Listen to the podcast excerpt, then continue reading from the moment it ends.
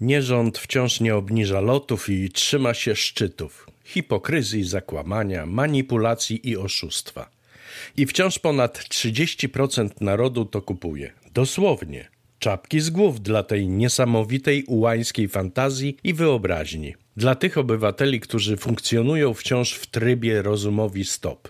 Naprawdę jestem pełna podziwu dla takiej wierności, wytrzymałości czy wręcz miłości.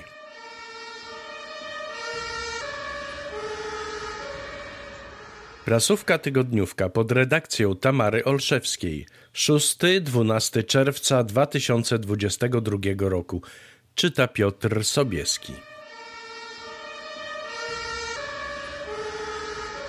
Prezes uznał, że trzeba się brać do roboty, by ratować wiarygodność i zadbać o słupki sondażowe. Ruszył więc w trasę na spotkania z lokalnymi działaczami i tymi z wyborców, którym uda się wcisnąć na owe spotkania. Najfajniejsza bajeczka, która dla mnie jest numerem jeden w jego bajaniu, to rzucanie wielbicielom pod rozwagę, czy Niemcy zbroją się przeciwko Rosji, czy też przeciwko nam i przypomnienie o reparacjach. No słowo daje, to prawdziwy mistrz słowa. Lud aż załkał z zachwytu.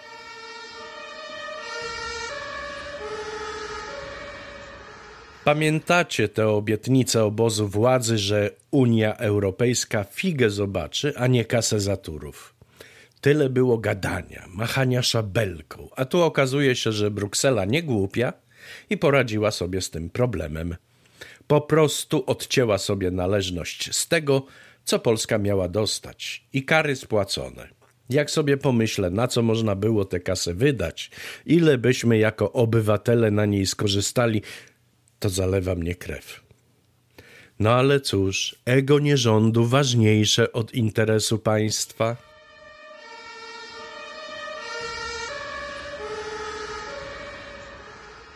Bąkiewicz to mądry facet. Korzysta ile wlezie z tego, że nagle z takiego nic stał się ulubionym nacjonalistą nierządu i właśnie załapał się na kolejną rządową dotację. Kasa ma pójść na remont jego siedziby Straży Narodowej oraz na rozwój, bezpieczeństwo i możliwości organizacyjne Stowarzyszenia Marsz Niepodległości.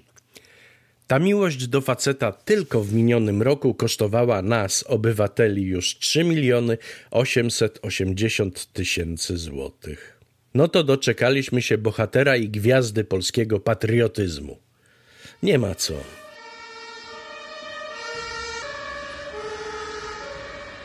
Jak tu można pomóc polskiej instytucji kościelnej i łapać dla niej kolejne duszyczki do indokrynacji?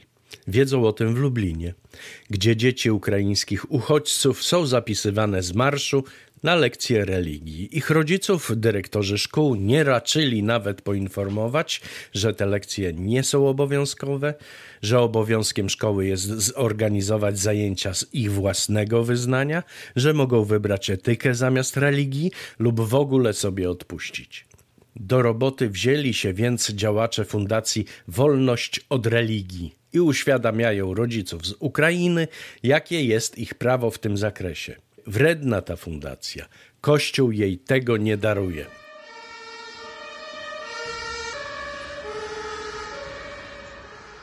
No proszę, taka wydmuszka polityczna, czyli cookies, znowu stawia swoje warunki, od których uzależnia poparcie dla koalicji rządzącej.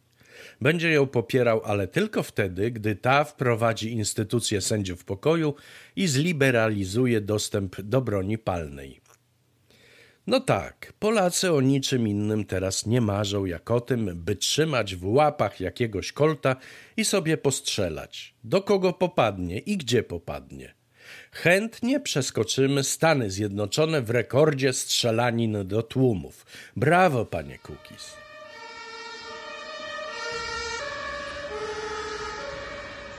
Ziobro ostro sprzeciwia się porozumieniu, w którym zawarto warunki tzw. Tak kamienie milowe przyznania nam kasy w ramach KPO. O nie, jego uczciwość polityczna mu na to nie pozwala. Tym bardziej, że Morawiecki nawet nie raczył się z nim skonsultować i on się czuje bardzo, ale to bardzo pominięty. Tak więc Solidarna Polska nie poprze tego porozumienia, nie zgodzi się na część z jego warunków i w ogóle jest na nie. Tak mu dopomóż Bóg i miłość do Polski. Amen.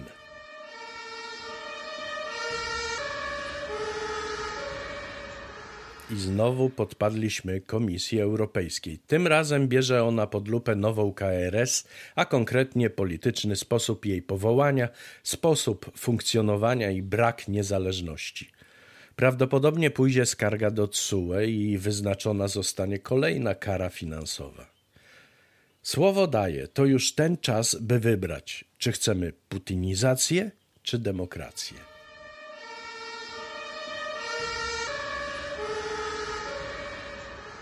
Gdybyście nie wiedzieli, to informuję, że tylko dzięki niesamowitej pracy duszpasterskiej Polskiej Instytucji Kościelnej Polacy masowo zaangażowali się w pomoc dla uciekinierów z Ukrainy. Tak stwierdził Jędraszewski podczas spotkania episkopatu. No faktycznie.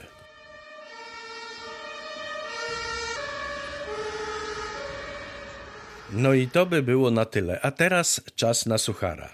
Na konferencji prasowej dziennikarka zadaje pytanie prezydentowi, naszemu. Fama mówi, że używa pan słów, których znaczenia pan nie zna. Na co prezydent? Niech pani powie tej famie, że może mnie pocałować w dupę i vice versa.